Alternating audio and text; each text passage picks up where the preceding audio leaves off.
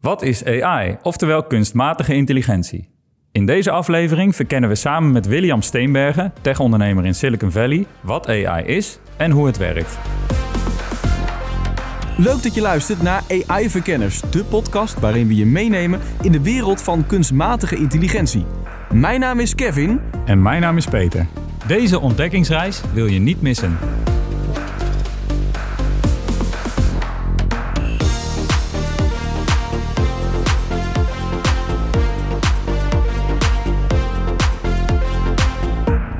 En voordat we verder gaan, Kevin, uh, ik ben heel benieuwd hoe jij ook uh, tegen AI aankijkt en, en hoe je het zou omschrijven in één zin. dat is best lastig. Ik zou ja, echt een exacte beschrijving in één zin vind ik lastig, maar hoe ik het zelf voor me zie, het is een stuk software wat, wat uh, volgens mij in mijn ogen gewoon slim is, wat berekeningen maakt, voorspellingen maakt, een soort van algoritme zeg maar waar het op gebaseerd is en, en daarmee allerlei dingen kan creëren en, en doen. Ja, ja ik hoopte eigenlijk op een verklaring in één zin, maar uh, jij maakt er gelijk een hele show van. Ja, sorry, ik zou het, ik zou het exacte omschrijving ook niet zo 1 2 kunnen vertellen. Het is, het is best groot, zeg maar. Hoe, maar hoe zou jij het omschrijven dan? nou, ik zou het, als ik het kort moet houden, dan, eh, dan zou ik er nu van maken een, uh, een, een, nieuwe disruptieve ontwikkeling die ervoor gaat zorgen dat uh, zowel de economie als de samenleving behoorlijk gaat veranderen. Wel moeilijke woorden, maar wel een hele mooie samenvatting. Dank, dankjewel. en vandaag gaan we dus in gesprek met William. Ja. Hij is eigenaar van de Federator. Hij is uh, wiskundige. Uh, heeft 35 man aan het werk. Heeft 15 miljoen gekregen voor het opstarten van zijn bedrijf. En volgens mij zit er iets aan te komen, maar uh, daar, daar doet hij nog een beetje vaag over. Misschien kunnen we het nog loskrijgen dus vandaag. We kunnen het proberen, we kunnen het proberen. hij, wo hij, woont dus in Silicon Valley. Dus echt wel de, de plek waar zo'n beetje alle techniek, in ieder geval internettechniek vandaan komt, denk ik. Denk aan Google, Facebook, Netflix. Ja, als je het over AI gaat hebben, dan moeten we eigenlijk wel iemand spreken die in Silicon Valley uh, werkt en woont. En ja. guess what? En William is... Steenbergen, die werkt daar en die woont daar.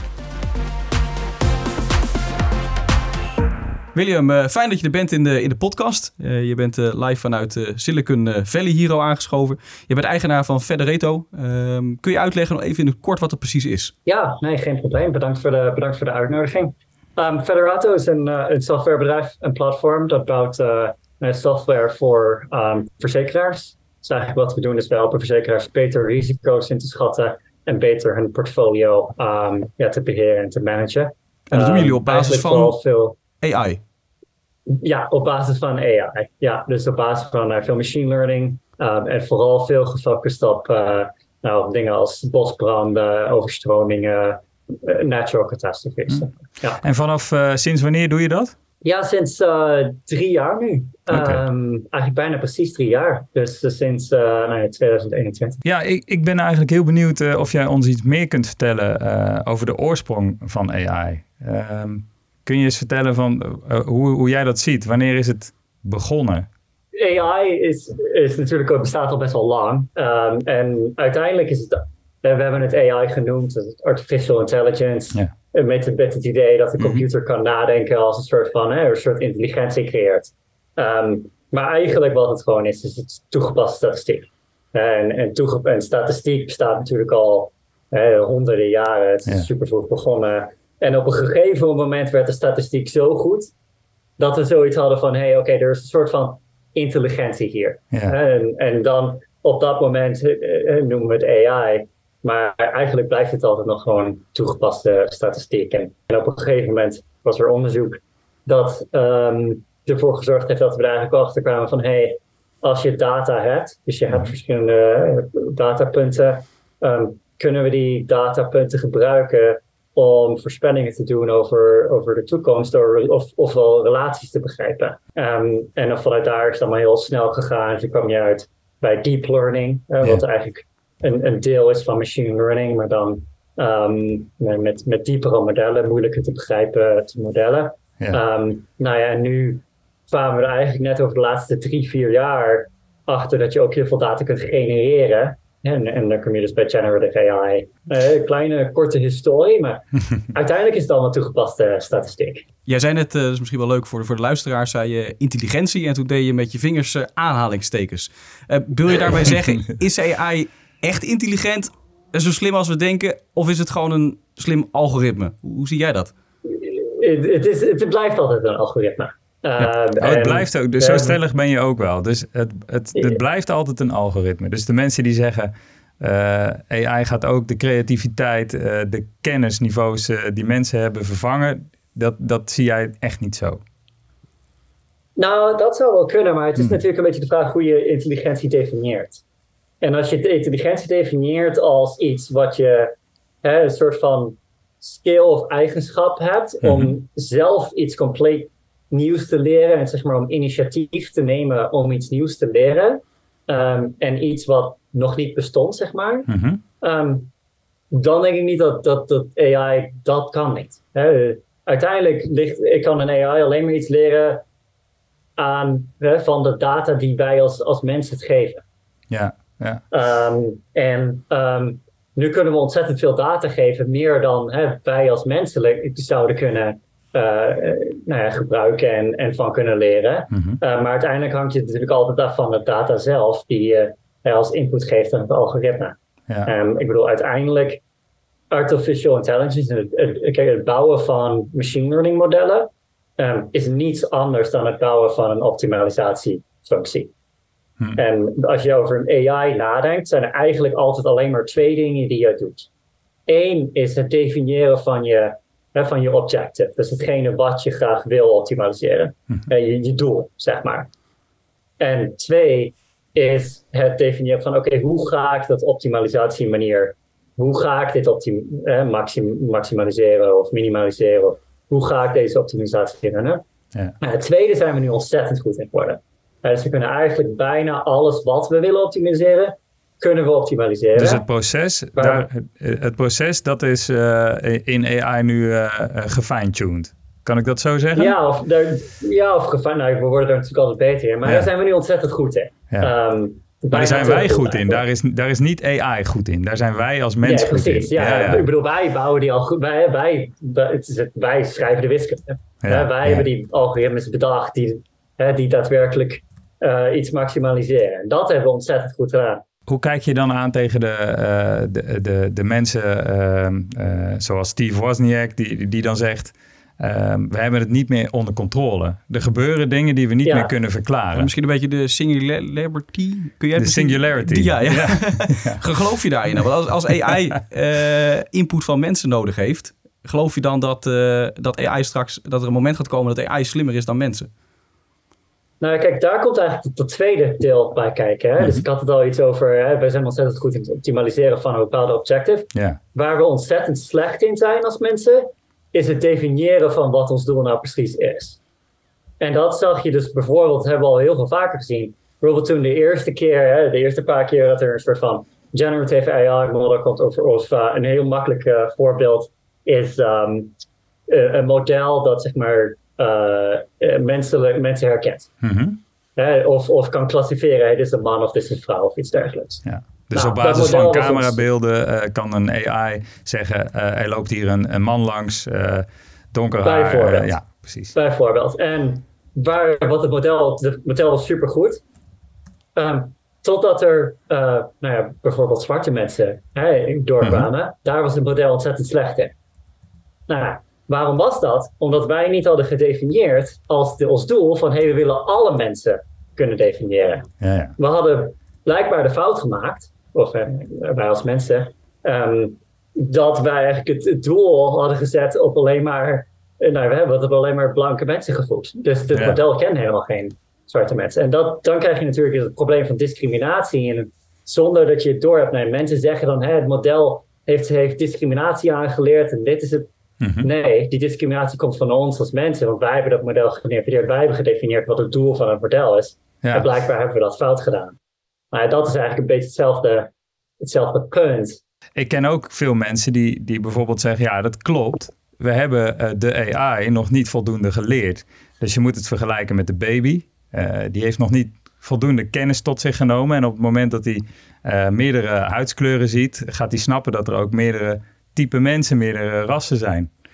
Precies. Ja, ja. en, en ja. Um, maar goed, daarmee maken ze dus wel heel sterk de vergelijking tussen mens en, uh, en AI. Dus AI wordt door heel veel mensen menselijk gemaakt.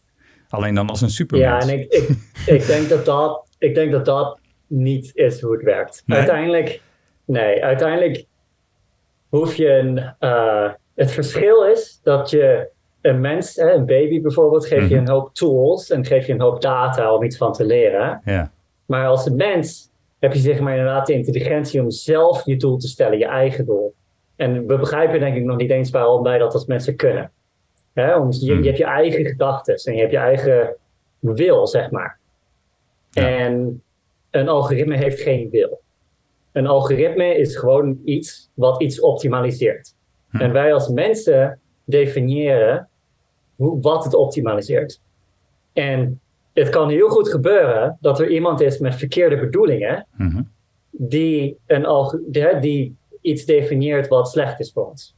Ja? Er, er, zou iemand kunnen zijn die zou zeggen: hey, ik wil dat deze bot iets doet wat niet goed is, of ik wil dat deze bot uh, zelf gaat uitvinden, of iets specifieks gaat uitvinden wat slecht is voor de mensheid. Ja. En dat kan, maar dan is het nog steeds de mens die dan de verkeerde bedoeling heeft en het verkeerde objective creëert, of het verkeerde doel creëert voor het algoritme. Het is niet zo dat het algoritme zelf een wil heeft om iets te optimaliseren wat het nooit hebben gegeven. Nee. Dat, dat kan niet. Maar de, combinatie die, eh, de, de, de combinaties die AI maakt, zoals uh, ChatGPT, uh, die, die kan dan putten uit, uit het internet en alles wat daarop te vinden is. Dus ik geloof tot eind 2021 of zo is nu vrijgegeven. Mhm. Ehm, dan, dan kan die putten uit, het, het, uit de goede doelen die mensen hebben bepaald en uit de slechte doelen die mensen hebben bepaald. Dus Qua, ja, qua, maar dat is nog steeds de data input. Hè? dus dat is nog steeds de data die je krijgt. We hebben ChatGPT een heel makkelijk, oh, maar niet makkelijk, maar we hebben ChatGPT een heel specifiek doel gegeven. Namelijk het, het teruggeven van, uh, het, het, zo goed mogelijk uh, teruggeven van informatie. Hm. het goed mogelijk hebben uh, van een conversatie. Um, en dat is ook het enige doel dat we ChatGPT hebben gegeven. En, en nu krijgt het heel veel data om een conversatie te hebben, maar dat blijft meer de input die het krijgt en niet hetgene wat het optimaliseert. Nee, oké. Jij zegt dus eigenlijk dat, dat AI uh, eh, niet zelf uh, kwaadaardige beslissingen zal gaan nemen. Nee. Tenzij wij als, wij als mensheid ofwel een fout maken in het definiëren van het doel, ofwel expres en, en kwaadaardig doen. En er is een onderzoek in, in Amerika geweest, uh, waarin ze, uh, dat, is een, dat is een fictief is dat geweest, niet echt gebeurd, uh, hebben ze drones laten vliegen in een simulatie. ken je dat mhm. onderzoek trouwens of niet? Weet je waar ik heen wil? Nee. Nou, die, hebben ze drones in een simulatie laten vliegen. En ehm, vervolgens heeft die drone zelf bepaald, want die wilde zijn eigen doel bereiken, dat hij dan vervolgens de controle moest neerschieten. Degene die dat ding bestuurde. Uiteindelijk hebben ze toen aangegeven dat mag niet. En toen heeft die drone zelf bedacht om de, uh, ja, de satelliet of de, de, de radiotoren, de, radiotoren inderdaad, om die dan maar neer te schieten. Ja. Dus dus de fout in het proces, ja. die, die ging niet tackelen. Dus er zit en uiteindelijk iets, toch iets. Ja, misschien is niet, uh, AI zou het misschien echt niet zo bedoeld hebben. Maar er zit wel iets wat, wat wij als mensen wel kwaadaardig kunnen zien. Ja, en uiteindelijk is dat dus wel degene het is, dit is allemaal niet, niet het is fictief, maar nog, het is altijd de fout van de mensen die dat algoritme hebben gecreëerd, om dat toe te laten. Mhm. om, om te zeggen, hey, deze bot, eh, of dit, dit algoritme heeft als doel om zijn doel te behalen, en er zijn geen constraints. Je mhm. kunt alles doen wat je wil. of, um, nou ja, en, en dat is natuurlijk, dat is best gevaarlijk.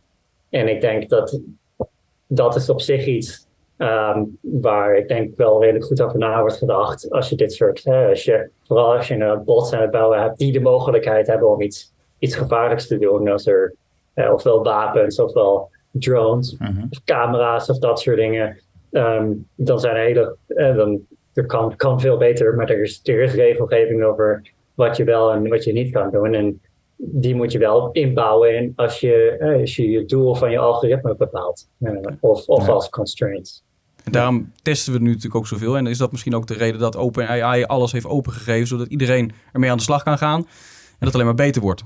Dat, ja, maar ze hebben het uh, ook weer niet helemaal opengegooid, nee, geloof dat ik. Is waar. Dat was de reden, tenminste, dat, dat Elon Musk zich uh, weer terug heeft getrokken, geloof ik. Dat het uiteindelijk toch niet een, uh, een, open, een open source nee. model is ge geworden. Maar goed, de, de ondertekenaars van de brief, de bekende brief, waar ook onder andere Elon Musk zijn handtekening onder heeft gezet van we moeten de ontwikkeling stoppen. Vind je dat een, een verstandige keuze? Of, of zeg je van nou, volgens mij zit er maar één belang achter en dat is een commercieel belang? nou, ik, ik, ik, denk een beetje van beide. Ehm, er zit zeker wel wat in. Ik denk niet dat het zin heeft om de ontwikkeling te stoppen. Ehm, ik denk dat het wel heel veel zin heeft om meer te lobbyen voor betere wetgeving en regulering. Mhm. Ehm, ik bedoel, uiteindelijk, bedrijf als OpenAI en, en Microsoft zijn natuurlijk hele commerciële bedrijven. en die hebben vaak toch maar één incentive. niet dat die incentives per se kwaadaardig zijn. dat, dat gevoel heb ik niet. Maar goed, dat, dat weet je natuurlijk ook nooit. Uh, maar er moet gewoon hele belangrijke, goede regelgeving zijn over hè, wat je wel kan doen met een AI en wat je niet kan doen met een AI. En hoe je test en hoe je ervoor zorgt dat wij als mensheid, zeg maar, het, eh, de objective van onze algoritmes die we, die we creëren, um, fair is en niet, niet gevaarlijk is. Ja. En um, Ehm, krijg jij een beetje mee in Amerika hoe de regelgeving daar uh, vorm uh, krijgt momenteel? Want in Europa is dat natuurlijk, daar springen we in Europa als eerste op. Daar zijn we heel goed in. Regeltjes verzinnen. Uh, soms denk ik innovatie remmen. Maar, is dat goed? Ja, ja precies. precies. Um, krijg jij mee hoe dat in de US nu Nou, het gaat hier natuurlijk niet zo, het gaat hier niet zo snel. Um, er is ook, het is best lastig om je regulering over te creëren. Voor als je kijkt naar de mensen die die regulering creëren, dan zijn dat heel vaak niet de mensen die heel veel verstand hebben van wiskunde of van algoritmes, hoe, hoe deze dingen daadwerkelijk gebouwd worden. Nee. Uh, en dat, dat is natuurlijk best wel gevaarlijk. Um, dus ja, ik, ik, heb ook iemand horen zeggen, inderdaad, die zei van oké, okay, um, ehm, je moet die grote bedrijven bijna zelf, want daar zitten alle researchers, samen met een paar universiteiten hier um, bijna zelf de verantwoordelijkheid geven om die regulering te creëren. Ehm, ja, dat zou een oplossing kunnen zijn. Het, het is lastig. Um, ja. Ik, ja, het, uh, ik zit altijd vaak. Eh, ik, is, er, is er onderzoek dat we kunnen doen? Kunnen we academici daarover laten denken? Nou, dat gaat natuurlijk ook altijd erg langzaam, dus dat schiet misschien ook niet op. Het, het is een lastig probleem. Um, dus, uh, ja, en, maar uiteindelijk is het wel de regulering. Ja. Jij hebt dus best wel snel al AI toegepast. Of een toegepaste uh, vorm gevonden waarmee je je bedrijf runt. Hè? Het, het, analyseren van risico's voor grotere verzekeraars en ja. verzekeringsagenten. Ehm, loop jij, heb jij daarin al ervaren dat jij ook met regelgeving te maken hebt? Of kun je tot nu toe gewoon vrij je gang gaan? Ja, dat is, dat is een goede redelijk vrij als gang kunnen gaan. Mhm. Ja. ja. Het, uh, er zijn eigenlijk er is weinig regelgeving. In de verzekeringswereld is ontzettend veel regelgeving. Um, dus wat dat betreft um, kunnen wij niet, en dat doen we ook niet, kunnen wij niet bepalen wat uh, wel verzekerd wordt en wat niet verzekerd wordt. Uh, dus op zich hebben we daar wel te maken met, met, met regelgeving. Wij kunnen niet zeggen van hé, hey, je kunt dit niet verzekeren of je kan dit wel verzekeren. Of je moet deze prijs vragen voor de verzekering of deze prijs. Um, Want dat moet je, dat, de, de algoritmes voor hoe je je verzekering uh, prijst in Amerika, die moet je eerst bij de, bij de government laten goedkeuren. Oké. uh, Wat dus betekent dat je geen, je kan geen machine learning gebruiken, want dat, nou, nu, nu, je kunt het wel uitleggen, maar goed, volgens de, de Amerikaanse overheid kun je het niet uitleggen. Dus uh, willen ze daar niet aan. Um, dus zijn het vooral hele simpele formules. Ja, want ik, wil, ehm, ik wilde zeggen, hoe doe je dat dan? Want uh, jij hebt op een gegeven moment toch echt wel te maken met machine learning als je AI wilt toepassen. Ja, ja. dus wat wij doen is inderdaad, wij geven meer recommendations aan underwriters. Dus mhm. aan degene die, zeg maar, eh, mensen die beslissen hoeveel ze gaan prijzen. Um, Zo, en nog, nog heel even daarover uh, doorgaan, want uh, ik begrijp hem nog niet helemaal. Is dat, Kunnen we dat vergelijken met, met inderdaad de verzekeringsagent in, in, uh, in Nederland? Dat je kleine bureaus hebt die voor particuliere verzekerings, of verzekeringen afsluiten. En ja, daarmee redelijk vergelijkbaar. Wel, ja. ja, dus redelijk vergelijkbaar. Dus je hebt okay. inderdaad hier in Amerika heb je underwriters. Dat zijn mensen die voor een grote verzekeraar werken. Mm -hmm. En eigenlijk wat die doen is die kijken naar de risico's van nou ja, de verzekerde kijken naar, wij doen vooral veel commerciële verzekeringen. Dus hè, kijken naar scholen of ziekenhuizen. Ah, Kijken zeg maar, hey, dit ziekenhuis heeft 10 gebouwen. Uh, de waarde van deze gebouwen is 20 miljoen. um, ligt in een bosbrandgevoelig area. Dus dat nemen ze dan allemaal in. Mhm. En dan komen ze met een prijs. Um, en die prijs komen ze dan, die brengen ze dan naar een verzekeringsagent, die inderdaad een soort van de middleman is tussen de verzekeraar en de, en de verzekerde. Ja, um, en wat wij dan doen, is eigenlijk die, die underwriter, dus die persoon die gewoon de risico's inschat en dan met de prijs komt, die helpen wij eigenlijk beter hun tijd te besteden. Dus wij geven ze meer, net zoals YouTube, zeg maar, je helpt om de juiste video's te vinden op YouTube, helpen mhm. wij underwriters de juiste risico's te vinden um, waar zij het beste aan tijd aan kunnen besteden. Maar we zorgen er wel altijd voor dat elke underwriter kan doen wat ze willen. Dus als mhm. zij ergens anders hun tijd willen besteden, doen ze dat. En dat moeten ze ook vooral doen, want wij, we willen niet te veel invloed hebben op hè, dat soort regulering. Ehm, dus dat is kind een beetje waar wij zitten. Je bent daar nu drie jaar mee bezig, of in ieder geval je bedrijf bestaat nu drie jaar. Uh, in de afgelopen drie jaar is er heel veel gebeurd uh, omtrent uh, eh, AI. Um, hoe zie jij de, de komende drie, vijf jaar voor je? Ja, nou, het kan alleen nog maar sneller gaan, denk ik. het, dus, er is inderdaad ontzettend veel gebeurd. Ik bedoel, we zijn eigenlijk net begonnen met het, met het hele idee van generative AI. Natuurlijk is dit allemaal gebouwd op onderzoek dat al tien jaar bezig is. Als je kijkt naar de eerste Gen AI-algoritmes, uh, dan zijn die al gepubliceerd tien jaar terug. Um, dus, maar het is meer dat het nu echt gecommercialiseerd, wordt. Mhm. Dus je ziet nu echt van, hé, hey, die algoritmes zijn nu goed genoeg om er geld voor te vragen of om het publiek te maken. En dat is wel een verschil dat we eigenlijk denk ik nog niet eerder hadden gezien. Ehm, dus ja, nu heb je natuurlijk die enorme boom aan ondernemers die ChatGPT gebruiken om een business te bouwen. Uh, de vraag is die ik dan altijd stel: van begin je vanuit de technologie of begin je vanuit een daadwerkelijke use case? Ja, precies. Uh, ja.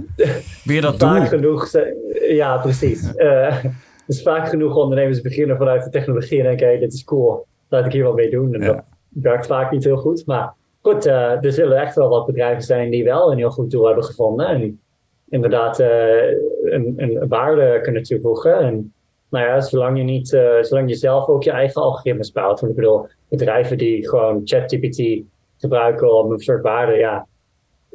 Uiteindelijk word je dan opgeslokt door, door OpenAI of heb je eigenlijk niks om op te bouwen. Nee. Um, dus dat, dat schiet niet op. Maar um, ja, als je echt vanuit, het, vanuit de eind-user begint, um, dan uh, is, kan ik me goed voorstellen dat er, dat er best wel wat successen komen. Ja. En jij was er denk ik heel vroeg bij. Uh, met de, de start-up die, uh, die je bent gestart. Je hebt toen die, die, die financieringsronde uh, gedaan. Of hoe moet ik, die financiering ja. opgehaald van, ik geloof, 15 mm -hmm. miljoen. Ja. Um, ik kan me voorstellen dat door de komst van AI voor het grote publiek, hè, dus zoals ChatGPT en, en met Journey en allerlei andere toepassingen, dat, dat jouw bedrijf daar de vruchten van plukt. De, dus... Ja, dat denk ik wel. Ja, ja dat, absoluut. Um, door het, uh, ja, ik, ik, was natuurlijk zelf een onderzoeker en ik was zelf bezig in, dit, in deze, in deze wereld. Dus ik, voor mij was het niets nieuws. Nee. um, maar uh, ja, dankzij, die, er is wel een beetje die, die boom inderdaad, um, die we nu wel ook zien. Ik was afgelopen week in een conferentie in, in New York voor uh, bij InsurTax, uh, zeg maar een verzekeringstechnologiebedrijf uh, en startups. En het was lastig om daar een start-up te vinden die niet iets met, met ChatGPT deed. Ja, ja, precies. en ja. dat was op zich wel interessant om te zien. Ja. Dat inderdaad heel veel mensen hadden toch zoiets van, we, we can't miss out, we, we moeten hier nu mee beginnen. Ja. Dus ja, dat... Maar, uh, voor ons. Uh, ja, ja. Je hebt dus die eerste investeringsronde gehad. Uh, zit er meer aan te komen?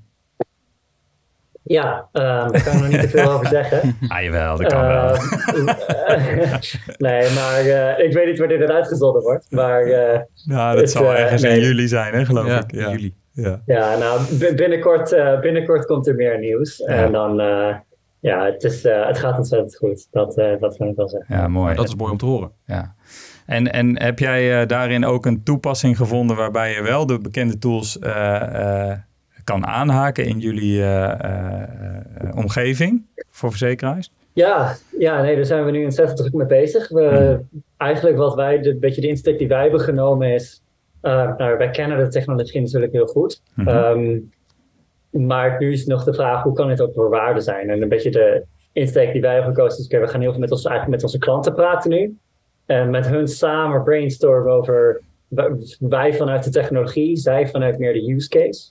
Hoe kunnen we iets, iets bouwen dat uh, ontzettend veel waarde toevoegt? En nou, daar, we, daar doen we nu een aantal uh, proof of concepts mee. Um, en um, ja, er lijkt wel wat, uh, een paar aantal dingen die daar lijkt wel wat op te zitten. Dus um, ja, heel veel dingen qua in verzekeringswereld heb je enorme documenten. Ja. met allerlei guidelines en policy documents en weet ik het dan niet. Mm. Uh, en voor een underwriter om zo'n document te krijgen en dan bijna documentvragen kunnen stellen. Een beetje als ChatGPT-achtig van hey, wat is de, wat is de limit, wat is het limiet, uh, het insurance limiet voor dit specifieke uh, type exposure um, voor in dit policy document. Um, dat is zonder honderden pagina's door te, te, te ploegen zou natuurlijk ontzettend goed zijn als je er gewoon uit kan typen en je krijgt het antwoord. Nou, dat soort dingen zijn we een beetje mee bezig. En, um, daar lijkt wel waarde te zitten. En we zijn nog steeds een beetje aan het experimenteren mee. Ja. Als je uh, de luisteraars van deze show nou een tip zou moeten geven uh, op het gebied van uh, gebruik van AI in het dagelijks leven, eh, heb je daar, wat zou dan jouw tip zijn? Wat is jouw advies? Ja, nee, het, is, het is ontzettend belangrijk om na te denken over wat je stuurt. Hmm. Um, dus als je het voor privaat gebruik gebruikt, nou ja, stuur het niet je, je paspoort. Uh, je bedoelt wat je, ingeeft in welke tool dan ook. Uh, belangrijk om, om daar geen gevoelige informatie in te zetten. Want we weten natuurlijk niet waar het terecht komt, op welke server. Of nou ja, zou het kunnen zijn dat de informatie die je invult, dat die dan bij iemand anders weer terechtkomt als antwoord? Dat zou mogelijk kunnen zijn, ja. Ja, je wilde zeggen volgens mij dat je, dat je wel weet waar het terecht nou, komt. Oh, kijk, als je ChatGPT gebruikt, dan komt het terecht bij OpenAI. Uh, dat, eh, zij, zij houden dat gewoon. Dat is niet, uh, daar zijn ze ook heel open over. En dat, dat, is, dat is ook helemaal niet slecht. Mhm. alleen moet je daar wel goed over nadenken.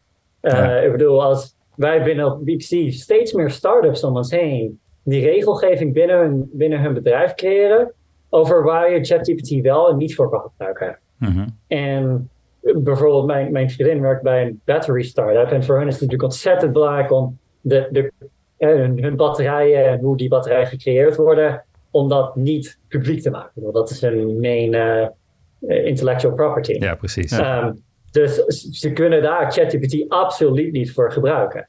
Nee. Uh, nou ja, dat is dus wel iets waar je misschien niet over nadenkt als je het gebruikt. Uh, Dus hè, als, je, als, je erover, als je het gebruikt, je kunt het voor van alles gebruiken, maar zorg wel dat je er geen gevoelige informatie in, in zet die je niet wil dat het eh, naar, buiten komt. Het is niet zo dat het allemaal gepubliceerd wordt en dat ineens iedereen erbij kan. Maar het is wel zo dat je het eigenlijk aan OpenAI geeft en OpenAI kan ermee doen wat ze willen. Ja, je voedt die, uh, die ChatGPT eigenlijk met jouw informatie. Ja, ja. ja. en jij gaf inderdaad wel een interessant voorbeeld. Waar inderdaad nu veel over nagedacht wordt. Dus als je de informatie geeft, en iemand anders stelt die vraag, ja. kan, kan je dan die informatie Komt jouw informatie terug? ja, uh, en het antwoord is ja. Uh, mm. Dus uh, dat is. Nu, nu bouwen ze daar wel een soort van defense mechanismes voor. Dus als je nu ChatGPT inderdaad je paswoord of je social security number zou geven, bijvoorbeeld, in, hier in Amerika, dan blokken ze dat. Dus dan zeggen ze: hey, je kunt niet je, je, dan zegt hij, dan krijg je niet eens een antwoord. Dan zegt hij: hey, je kunt beter deze informatie niet sturen. Um, dus uh, er, zijn wel wat dingen ingebouwd die ervoor zorgen dat je dat niet kan. En dat het überhaupt niet aankomt. But, maar ja, dat is ook niet perfect. Um, dus je kunt er beter gewoon goed over nadenken. En al die functies die er dus zijn ingebouwd, die zijn ook weer door mensen ontwikkeld? Even, even hij, dat zelf bedacht van, hé, hey, dit is niet zo handig. Nee, nee, Dat, is door mensen, dat is door mensen, onderzoekers hebben gezegd van, hé hey jongens, misschien is het een goed idee als we hier iets beter over nadenken. Laten we inderdaad een algoritme bouwen dat kan herkennen of dit een social security number is of niet. En als het wel is, dan stoppen we het gewoon. Ja. ja. En de, uh, je, je, begon net even over regelgeving en dat het misschien wel een goed idee is om dat bij de onderzoekers en bij de, ja, de, de bedrijven uh, neer te leggen om daar met een goed plan te komen. Uh, is dat niet een beetje gevaarlijk? Uh, want de belangen van, van een, een, een, organisatie zijn natuurlijk altijd anders dan de belangen van de gemiddelde burger. En niet elke burger is een eigenaar van een grote organisatie. Nee, nee dus, dat is ook zeker waar. Het, natuurlijk is dat gevaarlijk. dat, daar, daar loop ik niet van, van weg. Het, de vraag is alleen, hoe moet je het anders doen? is er een betere manier? Um, ja, laten we het de overheid doen. Ja, dan duurt het nog tien jaar. Dat, ja, dat is, een dat is waar. Dat is bij jullie niet anders dan bij ons. Dat is een beetje het probleem. ja, en weet je, dat is... Ik bedoel, ik heb het liefst dan nog academici. Dat duurt ook lang. Uh, maar dan weet je in ieder geval zeker dat iemand over nadenkt die er verstand van heeft. Um, nou ja, bijvoorbeeld, goed, uh, we begonnen uh, over, uh, met, met, jouw voorbeeld over dat een AI nog niet herkent of iemand, wat voor een huidskleur iemand heeft. Of daar niet kan mhm. duiden waar die dan, wat hij dan ziet. Nou, dat zijn van die gevoelige onderwerpen ehm, in de samenleving. En, en nu is er eigenlijk maar één partij, OpenAI, die zegt wat voor een filter er over de resultaten wordt gelegd voordat het getoond wordt aan degene die iets invoert. Dus, ja, eh, nee, dat, dat, dat, is zeker waar. En nu is dat misschien een. Ja, kijk, voor OpenAI hebben we natuurlijk nog steeds wel de. Zij willen ook graag dat hun algoritme niet discrimineert. Dat levert voor hen natuurlijk zowel hele slechte publiciteit als gewoon een slechter algoritme op qua accuracy. Ja. Ehm, dus uh, wat dat betreft is dat misschien niet een heel goed voorbeeld, maar het, hetzelfde principe blijft wel inderdaad. Er zijn gevallen waar wat OpenAI graag wil en wat zij definiëren als een goede uitkomst van een algoritme, niet precies in lijn is met wat de gewone eh, normale burger definieert als een goed uitkomt van het algoritme. Nee, precies. En dan is het dus belangrijk dat er een, een, een, een third party is die ervoor zorgt dat er een soort van, ja, uh, uh, een soort van middenweg gevonden wordt. Um, en dat is regulering uiteindelijk. Ja. Kunnen we een beetje stellen dat de grootste bedreiging voor AI misschien de mensen zijn die er geen verstand van hebben? Ja. Uh, ja, nee. Ik bedoel, de, de, zowel, ik, ik denk deels wel. Um, ik denk dat de grootste bedreiging is mensen die er heel veel verstand ja, van hebben. De andere ja, die, die, die, slechte, die slechte bedoelingen hebben. Ja, maar die mensen, ja. mensen met veel verstand en slechte bedoelingen, maar mensen met weinig verstand over AI die misschien niet eens slechte bedoelingen hebben, maar die per ongeluk iets verkeerd doen. Dat kan natuurlijk ook. Ja, dat zouden de mensen moeten voorkomen die er verstand van hebben. Ja, ja. precies. precies. Ja, precies. Dus wat dat betreft ben ik daar misschien iets minder bang voor dan mensen die er heel veel verstand van hebben en slechte bedoeling hebben. Uiteindelijk is alles online te vinden. Hè? Dus wat dat betreft, is, het is niet dat, die, dat deze algoritmes geheim zijn of iets dergelijks. Nee. Je, hebt een, je, hebt een, je hebt veel wiskundekennis nodig, maar uiteindelijk kan iedereen dat theoretisch gezien leren. Dus je zou, je, ehm, jij, zeg je daarmee ook dat uh, de AI uh, eh, zoals die nu rondgaat voor iedereen en waarvan mensen denken dit is magic wat hier gebeurt, uh, dat je de bron helemaal kunt zien en ja, kunt oppakken en op je eigen servertje kunt zetten en, en daar je eigen AI kunt bouwen? Ja, als je, als je genoeg onderzoek doet en inderdaad al de theoretische wiskunde leert. Ja. absoluut. Ja, Heb jij dat, zelf ook gedaan? Want jij, jij hebt wiskunde gestudeerd volgens mij. Uh, Jij snapt ook helemaal precies wat, wat, wat het algoritme nou precies inhoudt? Nou ja, er zijn zoveel details. uh, er zijn, ik denk dat er niemand is op deze wereld die alle details kent. Maar dat is op dezelfde manier als dat niemand precies weet hoe alle auto's werken. Ja. Uh, dat is gewoon een hoeveelheid kennis. Ja. Um, maar uh, ja, ik bedoel, ik heb zelf onderzoek gedaan in, in generative AI. En so, deel van dat wordt nu gebruikt in ChatGPT. Dus Um, oh, dat is wel heel vet. Dat is wel gaaf. hoe trots ben je dan? Ja, nee, nou, niet, niet per se. We hebben jou niet in de intro eh, benoemd als uh, mede-grondlegger van ChatGPT. en maar, ja. Dat zou ik, ook zeker, zou ik ook zeker niet doen. Ik bedoel, er zijn duizenden onderzoekers. Hè. Ja. Er gaan duizenden publicaties in. En mijn publicaties is nog niet eens uh, nog niet eens een, duizendste of een miljoen. ik vind het wel tof dat je, dat je een klein onderdeel bent. Ja. Ik vind het wel gaaf. Ja. uh, nou ja, uiteindelijk. Um, ja, uiteindelijk is dat. En, maar dat, kijk, dat is eigenlijk een beetje het geval voor al het onderzoek dat er gedaan wordt. Hm. En uiteindelijk is, het, is dat een beetje wat de academici, hoe onderzoek werkt. Uiteindelijk draag je bij een soort van de, de menselijke hoeveelheid kennis die we hebben. En daar komen dan dingen uit als ChatGPT. Ja. Um, maar, maar is het, uh, denk je dat de verandering die nu is ingezet, want zo eh, ervaren de meeste mensen denk ik wel, ik zelf in ieder geval wel, echt wel als een, een, een, uh, ja, een disruptieve uh, nieuwe ontwikkeling. Ja. Ehm, denk jij dat het ook echt heel veel gaat veranderen in de samenleving en dat, dat werk er bijvoorbeeld heel anders uit gaat zien? Wat brengt de toekomst over, laten we zeggen, ja, nou, niet te ver ik, twee jaar? Ja, ik, ik denk het wel. Um, er zijn gewoon heel veel banen die ik nu zie, die inderdaad overgenomen worden door, uh, door AI. ja, want je zou kunnen stellen, die, die verzekeringsagent, uh, jij kan ook rechtstreeks dat gaan, gaan regelen voor die school. Met, met, uh, ja. met jullie software. nou ja, daar komt de regulatie dus in. Dat kan het niet. Uh, maar, maar, uh, maar, maar inderdaad, er zijn wel veel. Ik bedoel, er zijn heel veel dingen die nu.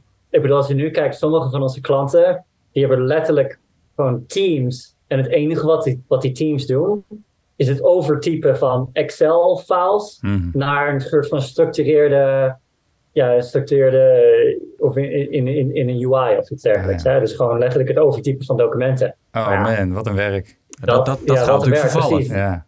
Dat, ja, dat lijkt me heel duidelijk. Dus, hè, dus dat soort dingen gaan natuurlijk vervallen. Er zijn heel veel van dat soort banen en rollen die, die gaan vervallen en die overgenomen wordt voor, als je het aan mij vraagt, is dat, nou ja, het is natuurlijk niet geweldig voor de mensen die, die, die dat, dat soort banen nu hebben. Mhm. Aan de andere kant, ja, zorgt het er wel voor dat je nu eigenlijk gepusht wordt om iets anders, hopelijk iets meer, iets waar, meer waardevols of iets, hey, iets, iets interessanters om te doen. Het lijkt me redelijk uh, saai uh, werk. Dus ja. misschien, is er, misschien is er iets meer interessants om te doen. Je kunt je nu ergens anders op focussen. En uiteindelijk zijn wij er als mensheid altijd wel weer goed in om een nieuwe rol te vinden of een nieuwe baan te vinden. Ja. Uh, of, eh, of, nieuwe oplossingen daarvoor te vinden. Ik maak me daar niet zo druk over. Uh, maar ja, dat betekent wel inderdaad dat er veel mensen zonder baan komen te zitten voor, voor een korte periode. En, ehm, en dat, dat moeten we natuurlijk wel goed managen. En dat zijn relatief, nou, misschien eenvoudige soort banen. Maar Elon Musk is bijvoorbeeld bezig met robots om uh, auto's te gaan bouwen volledig. Uh, die robots zien er, nou, als je ze hebt gezien, zien er gewoon bijna uit als een mens. Denk je ook dat dat soort uh, banen gaan verdwijnen? En er wordt ook al gespeculeerd dat er over een jaar of 15 misschien chirurgen niet eens meer mogen opereren. En dat alleen maar door robots gedaan mag worden. Geloof je daar ook in? Het bouwen van auto's, absoluut. Daar heb ik geen twijfel over chirurgen is denk ik een andere vraag, want daar komt ook nog een soort e-, ethisch iets bij kijken. Ja. Ehm, en zodra er zeg maar een, een, ethisch aspect bij komt kijken, uh, wordt het lastig. Ik bedoel, zelfs als de robot het tien keer beter doet als een chirurg. Um, willen we dat als mensheid? En, maar ik niet in ieder geval. Nou ja, nog niet. Ik, ik, ik, kan me voorstellen dat ik dat liever heb dan, dan een bibberende hand van een uh, persoon. Nou, ik zou, ja, nou, dat moet... kun je dus inderdaad afvragen. Ja, een, een robot, als die eenmaal... Uh, ja, misschien de, de ethische afweging of ik uh, het waard ben om die operatie uit te gaan voeren. dat, dat mag de chirurg doen. Maar dan vervolgens degene die de operatie daadwerkelijk uitvoert. Ja, als dat een, een, een machine is, een robot die een hele stabiele werk, manier van werken heeft en zeer snel kan schakelen op een beweging. Dat is misschien nog, dan heb je meer succes. Op nou, als het zover komt, mag jij eerst. ja. nee, maar ik zag William ook al zo kijken van, uh, nee, maar dat wil ik wel als eerst. Ja. ja. Nou ja, dat is op zich is wel, wel een goede vraag natuurlijk. Want dit soort, dat soort dingen zijn heel lastig om te testen. Ja. dus ik zeg wel, hey, als de robot het tien keer beter kan dan de mensheid, hoe ga je, hoe ga je, dat, hoe ga je dat meten? Uh, het is niet zo dat je een robot uh, eh, 100 mensen kan laten doen en, dan kan, en een chirurg 100 mensen kan laten doen en dan kijken wie er langer leeft. Ik bedoel, dat werkt niet zo, want dat, eh, dan gaan er 100 mensen dood als die robot het verkeerd doet. Hè? Zo werkt het niet. Dus dat is best lastig.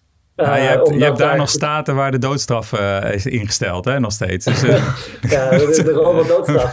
Ja, ja. ja. nee, maar, maar inderdaad, dat, dat, dat zijn wel lastige En dat is natuurlijk makkelijker met, met het maken van auto's. Ja, als je honderd verkeerde auto's maakt, uh, is dat uiteraard voordat ze worden uitgegeven. Want anders dan verongelukken weer mensen als ze met die auto's gaan rijden. Ja, maar we hebben het nu ehm, best wel over uitvoerende beroepen. Maar ik zie ook wel voor me dat een stratege, wij hebben zelf ook strategen in dienst... Uh, dat, dat ChatGPT zo goed informatie combineert, uh, dat daar een hele ja, uh, plausibele uitkomst ja, bedrijfsadviseurs, dat soort... Ja, coaches zijn sowieso al gebakken lucht, toch? ja, nee, content creëren. Sorry, sorry. ja, ja, ja. Het, het, is lastig, ja. Maar de, de, de wat hoger opgeleide mensen, die, die moeten denk ik ook wel gaan nadenken van... hey, is het werk dat ik doe vervangbaar door, nou laten we het even plat slaan tot een rekenmodel. Ehm, ja, um, nou, het is altijd de vraag. moet je daar echt actief over nadenken of je ooit zorgen over maken? Ik bedoel, persoonlijk, misschien zitten mensen zo aan elkaar. Persoonlijk zit ik niet zo in elkaar. Ik heb zoiets van, nou, als dat gebeurt, dan vind ik heus wel weer wat, hè, dan komt er heus wel weer wat nieuws op pad. Ehm, en uh, ik denk niet dat het heel veel nut heeft om je daar zorgen over te Het zou ook niet natuurlijk met, met één dag overgaan. Het gaat natuurlijk geleidelijk over. Ja. ja. uh, de klompenmaker van vroeger heeft inmiddels ook een andere baan. Ja, precies. zo is het ja, ja, nee, ja, ja. En die was ook vast niet uh, zijn hele leven aan het nadenken van... oh shit, als we zo meteen iemand weer klompen... of uh, robots klompen, weet ik veel wat. Dat het, Hey, dat is misschien wel de beste les uh, die deze show uh, kan brengen. Dat je gewoon niet zoveel zorgen moet maken over de toekomst, over, uh, over de dag van morgen. Want dat, ja, dat, dat heeft helemaal geen zin. Dat weten we gewoon nog niet. Dat is, nee. nee. dat nee, is inderdaad nee. een goede. Wij kunnen zo meteen gerust gaan slapen. Ja. Jij kan gerust beginnen aan je werkdag, want er zit natuurlijk een tijdsverschil in. Maar Precies. dat is in ieder geval fijn. Bij jou is het tijd voor de lunch, denk ik nu? Ongeveer? Ja, of, nou, hierna heb ik, heb ik mijn lunch, precies. ja. Oké. Hey, um, ik zou je graag nog één vraag willen stellen. Um, en dat is eigenlijk uh, het thema van deze show. Hè. Deze show eh, gaat over wat AI nou eigenlijk is. Um, ja. En terugkomend op die hoofdvraag, zou je uh, heel kort en krachtig kunnen zeggen in twee zinnen wat AI dan precies is volgens jou?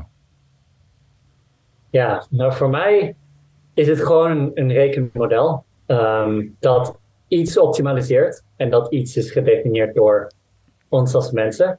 En ja. dat um, Ja, ja. Dus, dus geen spannende theorieën over uh, een nieuwe godheid, een nieuwe creator nee. die de mens overneemt en wij moeten buigen en uh, nee, oké. Okay. nee. Ik vind het wel nou, dus, fijn. Het, het nuchtere, ja. lunterse ja, dat zit er wel in nog. Voor de luisteraars, Lunter is een, ja, is een dorpje maar, ja. uh, ergens in het midden van Nederland. Ja, uh, ja dat, dat nuchtere zit erin. Dat is in ieder geval fijn om te horen dat je het uh, Nederlandse nuchterheid, nuchterheid niet, niet bent verloren nee. in Amerika. Nee, um, mooi. In de volgende aflevering hebben, staan we stil bij de toekomst van AI. met Argon Meulendijks, Mr. Metaverse noemt hij zichzelf. Die is echt een optimist. die, die ja, kan wel stellen dat hij volgens mij wel gelooft dat we over een jaar of vijf à tien, denk ik zoiets. Uh, allemaal met een bril rondlopen. Uh, misschien uh, vijf jaar later allemaal een chip ingespuit krijgen. En langzaam veranderen in. Dat wij zelf veranderen in robots. daar, dat, dat idee heb ik bij hem. Ja. Um, wat, wat zou je hem willen vragen? Nee, eigenlijk een beetje een vergelijkbare vraag met waar wij ook een discussie hebben over gehad. Ik, bedoel, mm-hmm. ik ben ook zeker positief over, over AI. Maar mijn vraag is inderdaad. Hoe zorg je ervoor dat we het veilig kunnen houden? en hoe kun je eigenlijk het het academische onderzoek dat er nu heel veel hè, gedaan wordt, um, in de praktijk uh, brengen om, om het veilig, te kunnen, veilig en toepasbaar te kunnen, kunnen houden. Daar ben ik eigenlijk wel benieuwd naar hoe wij daarover nadenkt. Ja, oké, okay, die, gaan we, die gaan we aan hem stellen. Um, ja, de, de, het zit erop voor nu. Ja. In de volgende aflevering krijg je dus natuurlijk het antwoord van, op die vraag. Ja, van Aragorn. Uh, zo gaan we dat in elke podcast uh, doen. Zeker. Um, William, voor nu ontzettend bedankt. Uh, fijn ja. dat je tijd voor ons uh, kon vrijmaken en nog, nog even je lunch uit kon stellen. en uh, bij ons is het uh, nou, einde van de dag, dus ik ga zo meteen ja. lekker op de bank ploffen, denk ik. En nadenken over dit gesprek. Dankjewel, William. Ja, nou, jullie ook bedankt. Dankjewel. Dank voor het luisteren naar de podcast AI-verkenners. Deze podcast wordt mede mogelijk gemaakt door videoproductiebedrijf Van Ei naar Kip. En Better. Digitale innovatie voor de wereld van morgen. Wil je geen aflevering missen? Volg deze podcast dan op je favoriete podcastkanaal. Meer weten? Ga naar aiverkenners.nl.